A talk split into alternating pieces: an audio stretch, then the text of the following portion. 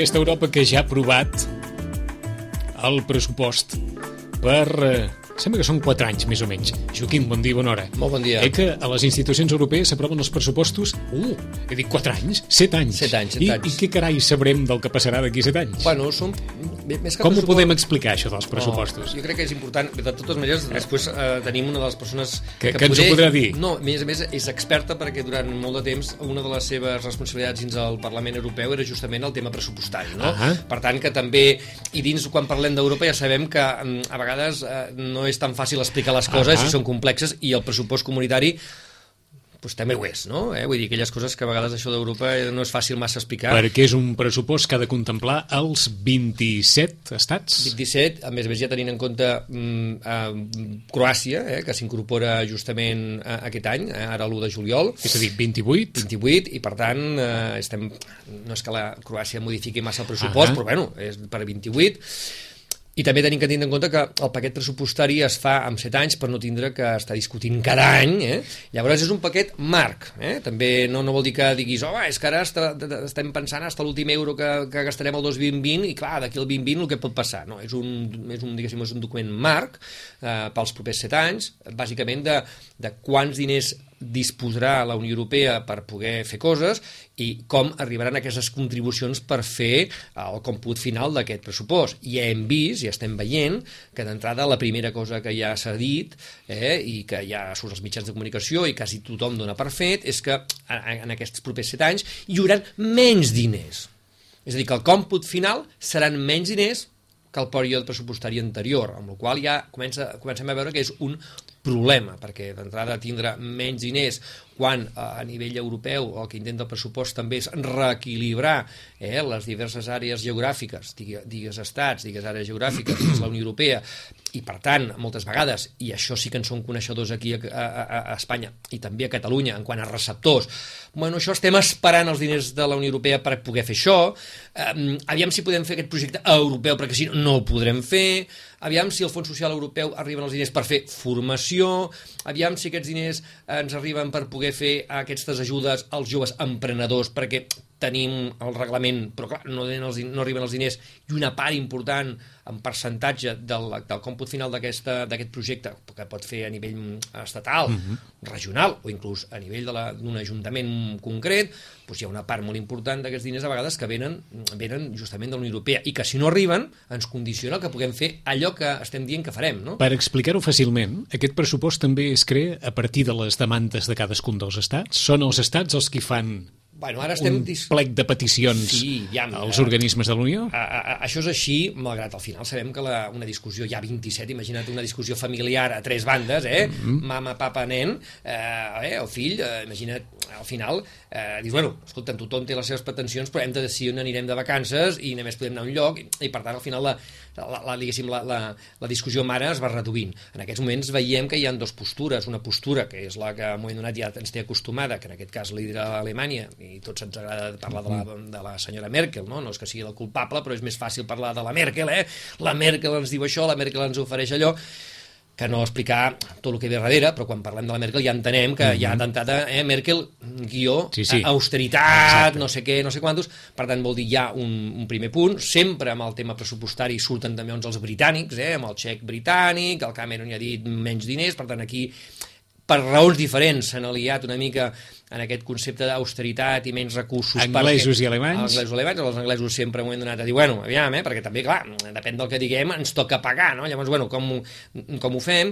Eh? I, I després també altres països, com són, vull dir, tots aquests que estem eh, patint molt més la crisi, que evidentment pensem en Europa com una manera d'intentar doncs, eh, eh, d'una manera, atenuar aquesta crisi i en tot cas doncs, que ens puguin ajudar a donar-li la volta a la truita i, i, i sortir en millors condicions d'aquesta crisi, cosa que veiem que la tindrem més complicada, i després hi ha un tercer sector que han estat aquests darrers estats que, que d'aquests 27, eh, de 28, però 27 dels darrers que han entrat, que evidentment doncs, van entrar al club de la Unió Europea justament quan estava de baixa, no? i dir, bueno, de tot allò que vam parlar, què se n'ha fet?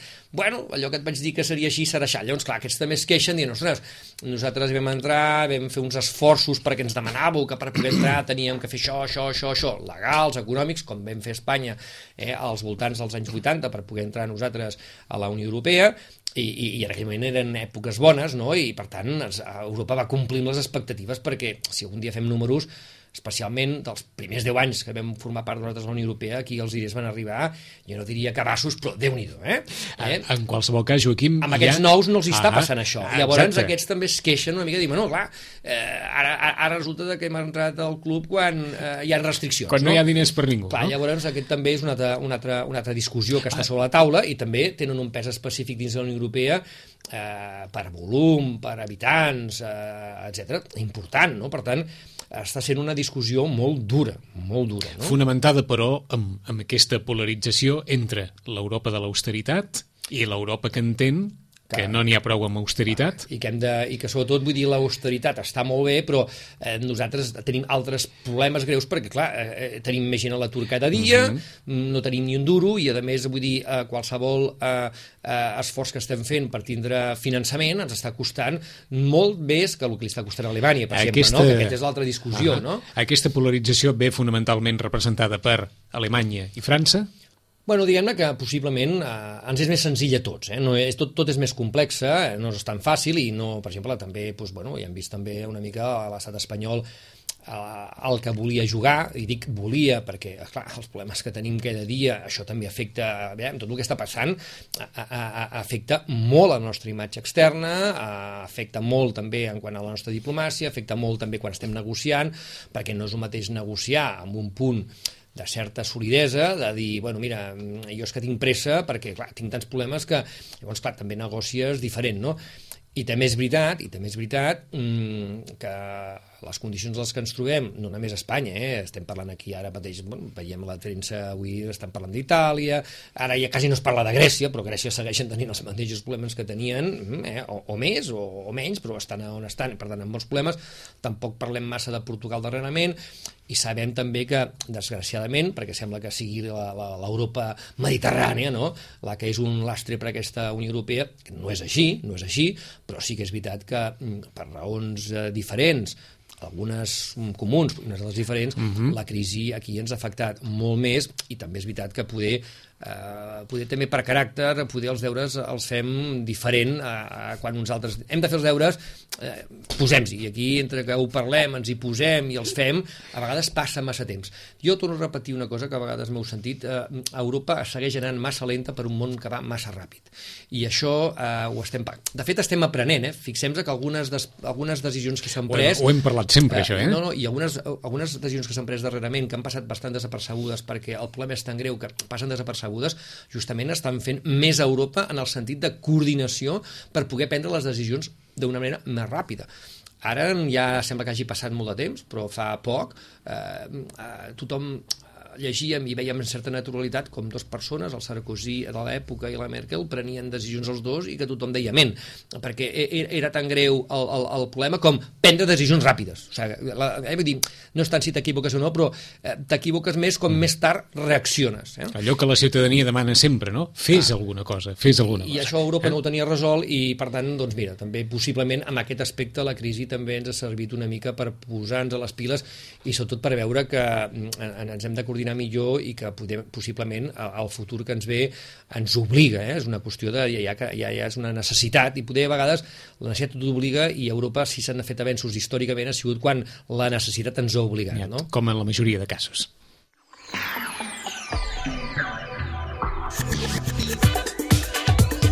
Ho llegim del web del Consell Català del Moviment Europeu. El Consell Català del Moviment Europeu és una associació pluralista i independent amb personalitat jurídica pròpia formada per col·lectius i persones físiques que desenvolupa les seves activitats europeistes dins de l'àmbit territorial de Catalunya. Està integrada per una àmplia representació de la societat catalana, partits polítics, organitzacions empresarials, organitzacions sindicals, ajuntaments, universitats, associacions econòmiques, professionals i acadèmiques que són el reflex de la pluralitat professional, ideològica i política de la societat civil d'Europa, treballant conjuntament a la construcció d'una Europa unida.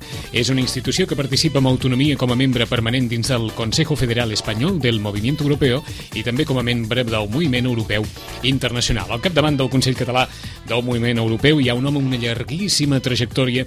Eh, eh, ens passaríem 5 minuts ben bons explicant el currículum entre l'àmbit públic, l'àmbit privat, la qualificació professional de Joan Colom. Senyor Colom, bon dia i bona hora. Bon dia. Eh, començaríem, vaja, per una cosa tan, no sé si dir prosaica, però ens trobàvem ahir a una persona més o menys d'edat, pare de família, i amb nets, Sí. que ens preguntava així directament "Mm, què farem, què faran ells d'aquí uns quants anys? Algú és capaç de dir-nos què passarà d'aquí uns quants anys? Com, com aniran les coses d'aquí uns quants anys? Com ens en sortirem de tot això? I ell ens deia, des de la seva experiència d'autònom, que li costava molt de creure en una sortida a aquesta situació que definia com la més difícil que havia passat ell en gairebé tota la seva vida, més que la crisi del petroli, més que la postguerra, més que no sé què. És una pregunta d'aquelles que es poden formular moltes persones a peu de carrer, com també es poden formular molts dels membres del col·lectiu del Consell Català del Moviment Europeu? Home, és evident. Sí, m'ha fet gràcia amb la descripció perquè jo també... O sigui, jo no estic jubilat encara perquè soc professor d'universitat Sí. i treballem, podem treballar fins als 70 anys, però també tinc nets. Aquesta pregunta me l'he feta. Us l'heu feta. I, i heu, trobat, heu trobat una resposta, senyor Colom? Home, eh, penso que no hi ha una resposta definida en aquests moments. Jo vull creure de que el futur mm, d'aquests nanos, d'aquests nens, nens Sí. i nenes, Sí. doncs eh, serà bo, serà bo, però vull dir, passarem una, una fase dura encara i els que ens jubilarem ara doncs ho patirem, no? Eh, també, us ho, Però, dir, també us ho preguntem d'una forma molt, molt senzilla i planera. Per què creieu que serà bo? Bé, perquè penso que la Unió Europea superarà aquesta crisi. Penso que aquesta crisi se superarà i eh, totes les dificultats que estem veient i amb totes les dificultats que hi ha entre el que podríem dir l'esperit comunitari i l'esperit intergovernamental. Eh? Però vull dir, el resultat final penso que serà una més gran integració de la qual traurem eh, sinergies importants i tota una sèrie de projectes i programes que estan en marxa ara es potenciaran. Potser no l'any que ve, això és evident, però vull dir, en el curs dels anys tot això es posarà en funcionament bé i des d'infraestructures, per dir-ho d'alguna manera, fins a programes per intercanvi científic, etc etc i una més gran coordinació econòmica, tot això farà que en el marc de, de, de que quan aquests nens siguin adults o, mitja, o, o estiguin, ara, per dir-ho d'alguna manera, acabant l'escolarització, hi haurà un marc molt millor que el, no pas el que estem adreçant ara, que evidentment és, és negatiu i que aporta el pessimisme. Mm, Òbviament, per coneixements, per experiència professional i per ocupació en diferents organismes eh, de la Unió Europea o que formen part de, la- de l'estructura de, de la Unió, eh, ens podeu contestar des d'una perspectiva molt més bona que la que podem tenir nosaltres. Tot això va començar parlant més de diners i ara, veritablement, el debat que té Europa sobre la taula és un debat més social que fa dos Quan anys... diu tot això, a què es refereix? Perdoni. Eh, quan em refereixo a tot això, em refereixo a el que ara és motiu, sobretot de, de qüestionament o de reflexió col·lectiva, en el seu moment estava molt adreçat a l'àmbit econòmic i ara està molt més adreçat a l'àmbit social. L'Europa d'ara està parlant molt més dels greus problemes socials i del risc d'explosió social que no pas tant de la necessitat de pagar, la necessitat d'assumir els deutes o allò que no es va pagar en el seu dia? Bé, no, deia perquè, clar, la, el que ara és la Unió Europea va començar claríssimament amb un objectiu polític. Vull dir, no, no, ens- no ens confonguem. El que passa és que els que ho van posar en marxa van pensar que sis o set anys després de la Guerra Mundial dir anem a la Unió Política Europea ho hagués suscitat allò, allò o sigui, la incredulitat de la majoria dels eh, ciutadans europeus. Mhm. Van dir, bé, per arribar a aquest objectiu, doncs hem de començar per coses tangibles, que, que la gent vegi avantatges de pertànyer a aquest projecte comú, i vam pues, començar doncs, amb el carbó, l'acer i tal, tota la història. Mhm. Però recordo una cosa, de totes maneres. El Fons Social Europeu es crea amb la FECA, precisament. O sigui, abans de les comunitats econòmiques europees Sí. i de l'Euratom, es crea la comunitat del carbó i de l'acer, i aquesta és la creadora del Fons Social Europeu. O sigui, ja des del primer moment hi ha un fons social. Eh? O sigui, aleshores, eh, ara doncs, ha evolucionat eh, la potència econòmica d'Europa, però sempre hi ha hagut una vessant social. Jo, quan he estat diputat europeu, doncs hem estat discutint de les condicions laborals, del contracte del, dels, sigui, laboral dels infants, eh, tot aquest tipus de coses s'han estat discutint sempre. I moltes eh, normes que hi han ara es deuen a l'acció... O sigui, la Carta de Drets Socials del ciutadà europeu és una cosa que, que ja fa uns anys que funciona, I, que ja està establerta. I, eh, I segurament, no, no, potser no ens hem explicat bé, no anava tant en aquest sentit, sinó no creieu que ara els responsables de les institucions europees estan fent molt més èmfasi al drama social que viuen alguns països que no pas a la qüestió del deute, com es feia referència quan els responsables de la Unió Europea li diuen a Espanya que no poden tolerar un 55% sí, sí, sí, d'atur sí. juvenil, per exemple, sí, aquest sí, és un sí. missatge que difícilment es hagués escoltat fa dos anys o tres, no? Exacte, no, això té tota la raó. Ara apareix aquest element amb una força... dramàtica. Que, dramàtica, i que fa que els governs si, si plantegin una cosa que se'ls estava cridant, tot s'ha de dir, per part del Parlament Europeu. Feia temps ja. O sigui, que aquí... Passaven que, coses. Sí, hi ha un contrapès, el, encara que sigui més mediàtic, si em permet dir-ho així, mm -hmm. el, el, les reunions del Consell, el Parlament és una institució que estava posant pegues amb aquest enfoc tan economicista dels darrers anys. Aleshores, ara sí, ara eh, el drama social de, de l'atur eh, està, comença a fer eh, forat, diguem-ne, al, al nivell del Consell i planteja, evidentment, l'anstat de fer canvis a la política econòmica que se segueix. Mm -hmm. Heu estat vicepresident del Parlament Europeu, membre de comissions de pressupostos, de controls pressupostaris. Des de la vostra perspectiva, hi ha una part d'Europa que mira a l'altra part i li diu mira que heu gestionat malament les coses, mira que ho heu fet malament. Hi ha una part d'Europa que creu que hi ha una altra part que ha dilapidat els recursos, que, que ha malbaratat sí. els recursos? Sí, sí, sí. una part d'Europa, però eh, hauria de dir-li que no correspon a la realitat. Ah. Per exemple, com jo he estat a la Comissió de Control Pressupostari... Doncs, doncs amb, amb tots els matisos que vulgueu, ens ho expliqueu per què no respon estrictament a, a la realitat. Pues que, o sigui, eh, jo m'he trobat amb aquest control de que, per exemple, Alemanya doncs eh, era un mal executant eh, dels fons estructurals. Vaja. Per exemple. Dir, ara, per què? Perquè, com diguem-ne, també s'ha d'entendre, desenvolupat el país com estava, doncs eh, amb el ministre d'Hisenda federal, doncs, eh, o el de, de Baviera o el de Baden-Württemberg, al rebre diners europeus que tenien que cofinançar-se, eh, perquè no oblidem, el diner europeu arriba amb cofinançament, o sigui, amb diners de cada país. Sí. Per un euro, que estàs de posar un, o per un per cada dos euros europeus n'has de posar uns, però mm -hmm. sempre hi ha una part teva. Sí. Doncs, en un país que ja té moltes necessitats resoltes, pot re resultar-li allò... Està, està no em doni mal de caps per per tindre que cofinançar aquestes coses quan jo el bàsic ja ho tinc o quan no el bàsic, més que el bàsic, mm -hmm. ho tinc. Mm -hmm. I aleshores ens trobàvem amb coses d'aquestes.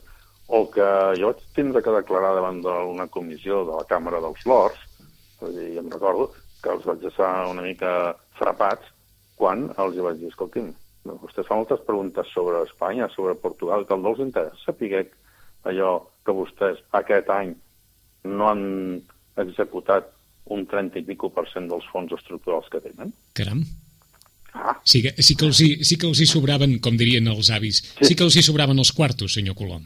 Sí, però era al final de l'època de la tatxa i ah, aleshores sí que no, no en volien. Una mica amb la línia aquesta, no? Jo, també era una línia d'ofegar els governs locals. Eh? Mm -hmm. Però ara ens aniríem una qüestió de política sí, britànica sí, sí, sí. que no fa el cas. Eh?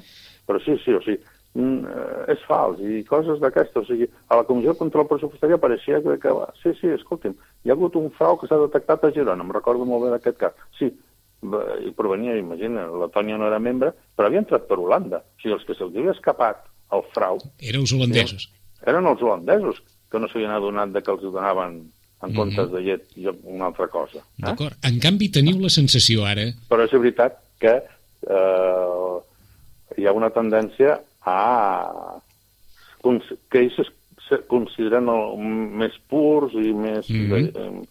Més bons gestió, gestors que nosaltres. Per això us pregunto si teniu la sensació ara que aquells tòpics de sempre sobre l'Europa del Sud, l'Europa que, que es passa la vida divertint-se i en canvi no, no pren les responsabilitats que pren l'Europa del Nord, tornen a rebrotar eh, arran de la situació actual.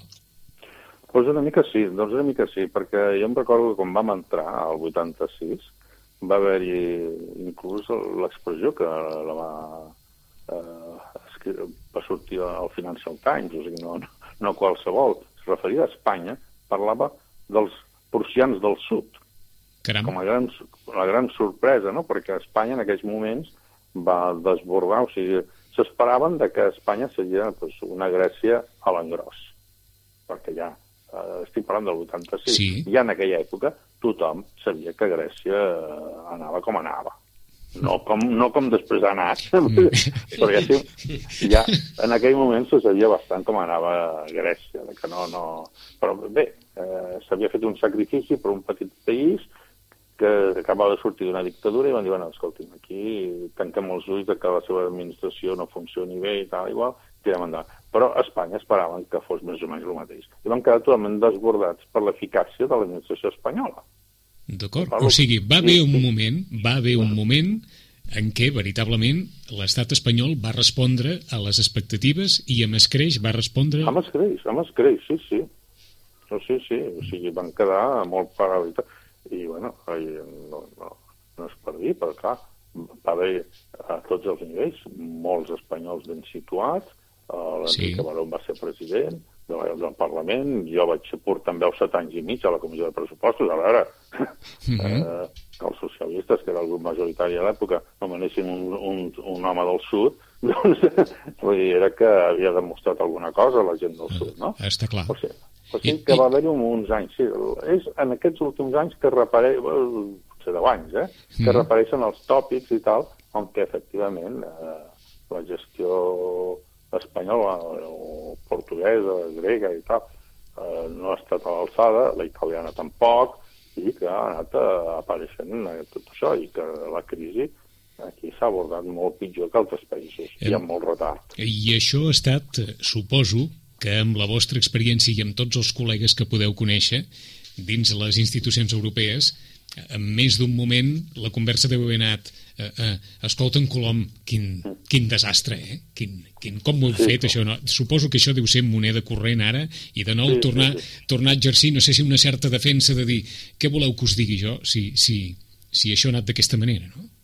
Sí, una mica sí, una mica ha anat per aquest, per aquest viarany, sí, sí, o sigui, mm, la gent es demana què ha passat, què ha passat de que un país que va, passar, va tindre doncs, una imatge brillant, diguem, Mhm. clarament, sense cofoisme, Vull dir, com és que s'ha enfonsat? I, I, hi ha resposta a això? bé, seria... Mm. Uh, o sigui, o sigui, aquí cauríem en posicions analítiques que potser no tots els membres del Consell Català compartirien. Ah, bé, bé, bé, potser les podríem resumir totes. Ha, ha passat que, que el país no s'ha sabut administrar, no, no s'ha sabut limitar, no s'ha sabut... Sí, probablement hi ha hagut uh, una, uh, un excés de confiança amb, el, amb la gestió, amb els diners que arribaven d'Europa, sens dubte, però tampoc que pensi que només... O sigui, a veure, els diners que arribaven d'Europa eren importants, però tampoc era... Eh, Eh, eren, ja, ja no, no, no, eren, no tenien aquella... Vaja, la importància que podia tindre, l'he dit clarament, o sigui, la importància que tenia el diner europeu per Portugal o per Grècia no era la importància relativa que tenia per Espanya. O sigui. Espanya arribava a l'1% del PIB.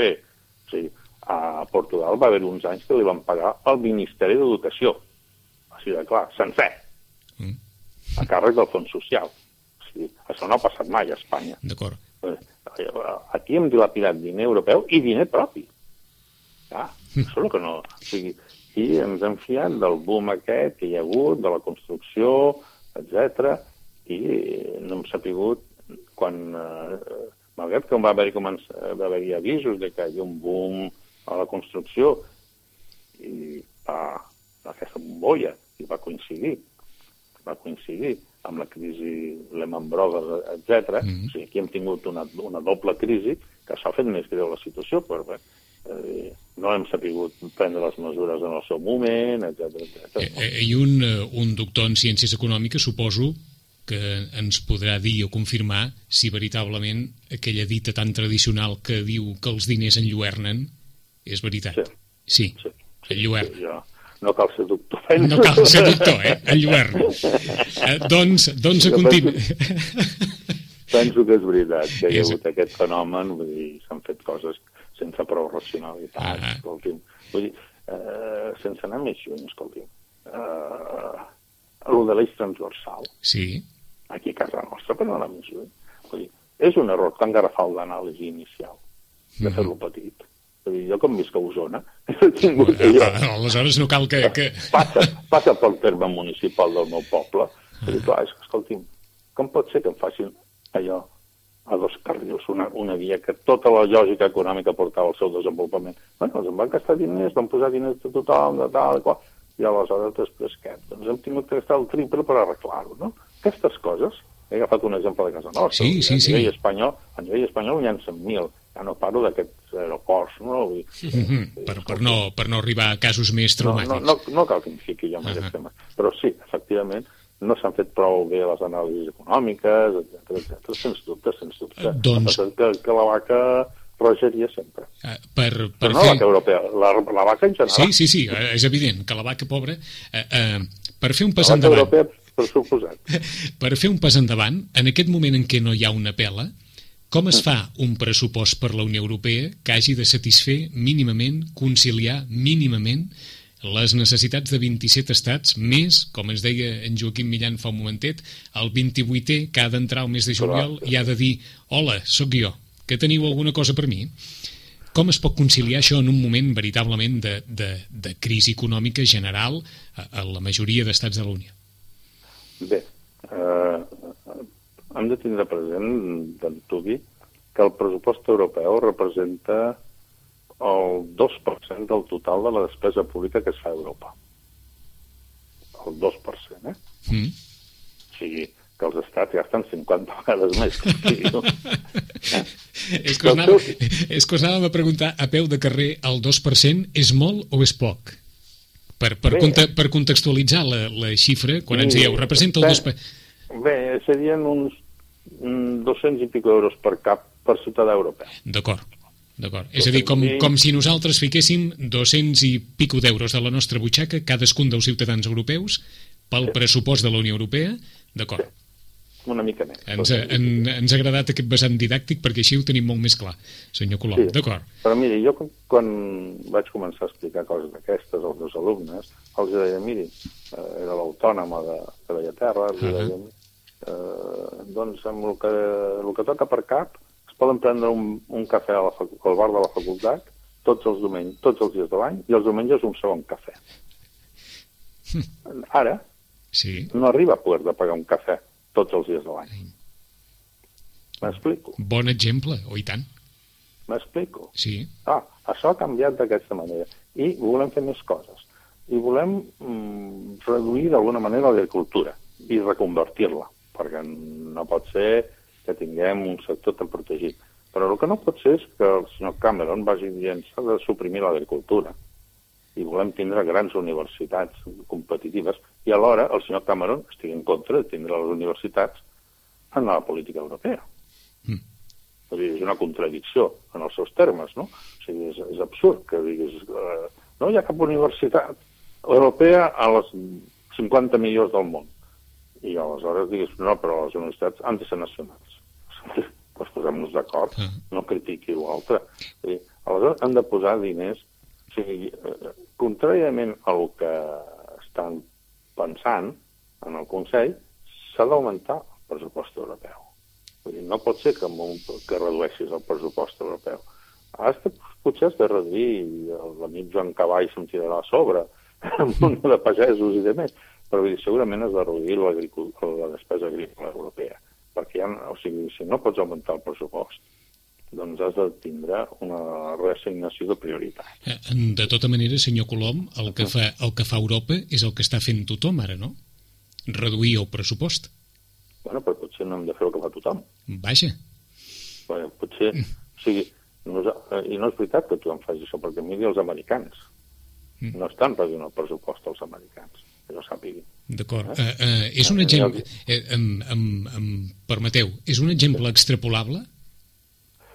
En certes coses, sí. En certes coses, sí. O en matisos, evidentment, no, no som no, us ho pregun... els Estats Units d'Europa. No, no, però, dir, us però ho dic... evident que un pressupost tan petit sí. li hem de treure el profit de totes les seves sinergies. I no és el mateix el pressupost d'Espanya o de Luxemburg, si m'apura, eh? o de Malta, mm -hmm. o Mhm. d'Alemanya, no és el mateix que el pressupost europeu, que és el que posem en comú. I aleshores el que posem en comú hem de treure tot el profit. I és molt lògic, segurament, que, algun, que els pressupostos nacionals facin allò reduccions, cosa que els haurien de demostrar, eh? perquè de moment, si vostè agafa una sèrie històrica, els pressupostos nacionals augmenten per sobre del ritme de creixement del pressupost europeu. Eh? Uh -huh. Sí. Vull dir que... No, és que l'he fet el càlcul. No, no, Perquè no, no. Un, un s'enfarta de rebre Eh, crítiques en aquest sentit i fa el càlcul. Escolti'm, vostè menteix. I el primer que menteix és en Cameron, perquè és el, el país que ha crescut més. Do, doncs ara, ara que resulta que la Unió Europea no direm que sigui més gran que mai, però està formada per més estats que mai, Mm. també és un moment, no sé si amb una certa relació causa-efecte per la crisi, en què molts dels estats miren cap a ells mateixos, i poso l'exemple del cafè, ens dèieu, bé, ara no podríem prendre un cafè cada dia. Però més d'un estat deu pensar, bé, jo no puc prendre un cafè cada dia, però no em dóna la gana de pagar el cafè de l'altre, que no ha fet res per Ja, poder-lo tenir. miri, o sigui, l'altre tema que jo volia treure, i li parlo un pressupostari, professor d'Hisenda Sí. Pública, Vinga, ningú està a la Unió Europea pel pressupost. d'acord. Torneu-hi, ningú està a la Unió Europea pel pressupost. I veig pel saldo pressupostari. D'acord, doncs per què estan a la Unió Europea? perquè és un projecte polític, per que tots els avantatges de la sinergia, per tots els béns immaterials que dona, o sigui, tots els beneficis immaterials que dona. Vostè sap la diferència que hi ha que un producte, vostè parlava dels nous, Sí. un, un producte romanès posi made in EU, EU o sigui, made, uh, fet a la Unió Europea, Europea. o fet en Romanya. Sap la diferència que hi ha per les em- empreses de Romania? I per les empreses espanyoles o catalanes, mm -hmm. és igual en aquest sentit. Eh? Vull dir, sap la diferència que hi ha en el comerç internacional? Eh, però aleshores us diria, si veritablement això és un projecte polític comú... I, i, perdó, i sap sí, la, possibilitat que significa estar en aquest mercat únic? Ahà. Allò de, de que pugui vendre des de, des de l'Hospitalet, es pugui vendre a l'últim racó d'Europa, de la Unió Europea, vull dir, eh, o no estar-hi. Això és, són els avantatges d'estar a la Unió Europea. No si el nostre saldo amb la Unió Europea bueno, ha sortit positiu amb aquest acord del Consell Europeu, que veurem si, el, si es manté, perquè els quatre grans grups principals del Parlament Europeu han dit que estan en contra. Però ja veurem. Dir, suposem sí, que això es tirava endavant. Dir, eh, el saldo espanyol és, és relevant. Per mi és totalment irrellevant que sigui positiu o negatiu. Doncs els, eh, o, sigui, som, o sigui, els temes són... Quin és el nostre saldo comercial, per exemple? Però partint d'aquest pressupòsit, el Mm. pressupòsit de som una Unió Europea perquè hi ha tot un seguit de valors intangibles que aquí Mm. sumen, no hauria de ser més fàcil abordar totes aquestes qüestions tan complicades que hi ha sobre la taula. Quan en Joaquim Millan ens deia fa uns moments un altre dels problemes de l'Unió, diguem-ne, eterns que arrossega l'Unió, és que va tan lenta, quan la vida va tan, ok. quan la vida va tan ràpida i les necessitats són tan peremptòries que demanen una actuació relativament ràpida de les institucions i les institucions europees continuen anant a vegades amb una lentitud exasperant per a molts. No, això té tota la raó, però això és molt difícil de, de vèncer perquè eh, es critica molt, més, amb més o menys fonament, però el dèficit democràtic de la Unió Europea. Aleshores, eh, si els estats, o sigui, aquí els que frenen el pas, siguin clars, són els estats. Mm -hmm. I determinats estats més que altres, no? Hauríem de discutir molt. I dir, això és complicat, és complicat. Perquè, mira, és molt còmode dir que és l'altre, saps? Vull dir, jo no recordo... I més quan, cap hi ha, i ministre- més quan hi ha 27, esclar. Clar, tots els ministres quan tornen aquí diu Brussel·les... Ens ha dit que tal. Sí, però Brussel·les vostè hi era, eh? Vostè hi era. Surt a la foto. Eh, surt a la I, foto. seria, i, i realment seria bo que de tant en tant es publiquessin les actes eh, de, dels consells, no del Consell Europeu, que també Mhm. seria divertit, sinó del Consell d'Hisenda, del Consell de Medi Ambient, a veure què han fet els ministres de cada país. Eh? Tampoc estaria malament, perquè el Parlament Europeu bé surten, no?, el que ha dit cada diputat. Doncs seria divertit, en algun cas, eh? veure el que han dit i tal.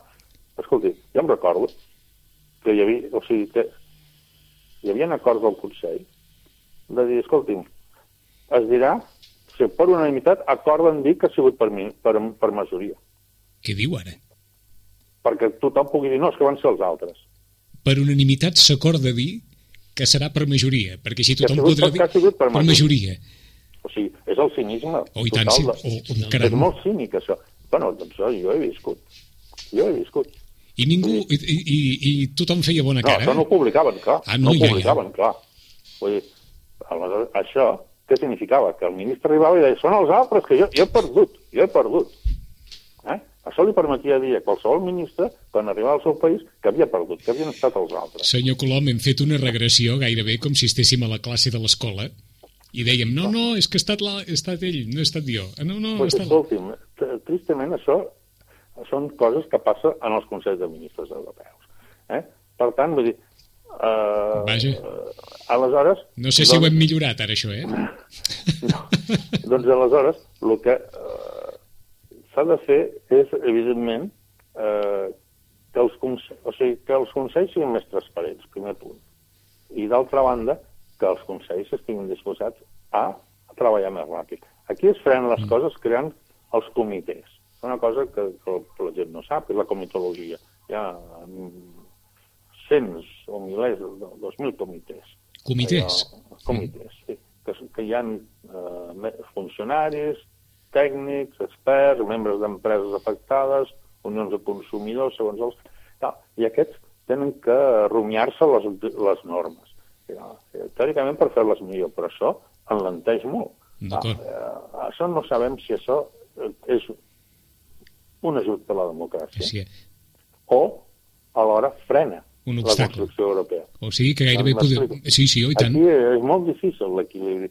Si es poguéssim realment accelerar els tràmits, sobretot, no, no és que jo he sigut parlamentari mm -hmm. el, el, el dit posat sobre el Consell, però a l'àmbit del Consell segurament anirem molt més ràpid. O, o sigui que hi ha, en el fons, senyor Colom, un problema de concepció estructural d'aquesta administració, per dir-ho així. Sí. sí. Però no l'europea. No, no. O sigui, a mi em fa molta gràcia quan es parla de la burocràcia europea. No, la burocràcia europea és petita en termes relatius.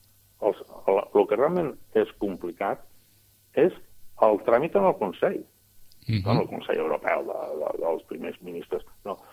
Tot allò que porta que hi ha, doncs, escolti, segurament l'ambaixada més important d'Espanya en aquests moments deu ser la representació permanent davant de la Unió Europea. Probablement. La més grossa que tenim, fora d'Espanya. Fora... O sigui, no sé si la de les Nacions Unides, o dels. Estats Units, o de París, o Alemanya, són tan grans com la que tenim a Brussel·les. Eh?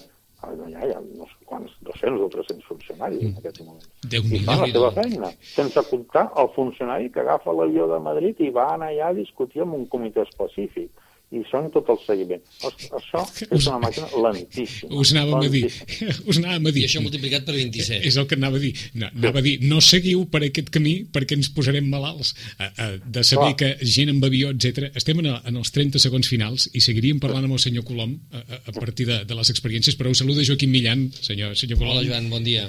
Hola. Doncs no, a mi feia molta gràcia el que deia abans el, el, el, el, Joan Colom, perquè realment eh, era una mica el, el, aquest pacte que es feia, perquè moltes vegades va lligat a, a la possibilitat després, Joan, de poder fer 27 Vinga. rodes de premsa. Sí. Amb, el dia que es faci, com deia, com deia la nostra amiga Carme Colomina, el dia que s'aconsegueixi una reunió d'aquestes, pactar que només es farà una Una. roda de premsa, Ui, aquell dia haurem guanyat molt. no, no, i el dia que Perquè hi haurà només una un, explicació. Un equip de futbol, una selecció europea de futbol, bueno, això ja seria massa. Teniu tota la raó. Senyor Colom, molt agraït per haver tingut aquests minuts eh, per nosaltres en aquest matí. Eh, fins la propera. Moltes Fins la gràcies. propera, Joan. moltes gràcies. Gràcies a vostè. Bon. Arribem a les 11 del matí. Joaquim, moltes gràcies també A vosaltres. eh, per l'aportació de Joan Colom, el president del Consell Català del Moviment Europeu. En 5 minuts tornem. Fins ara.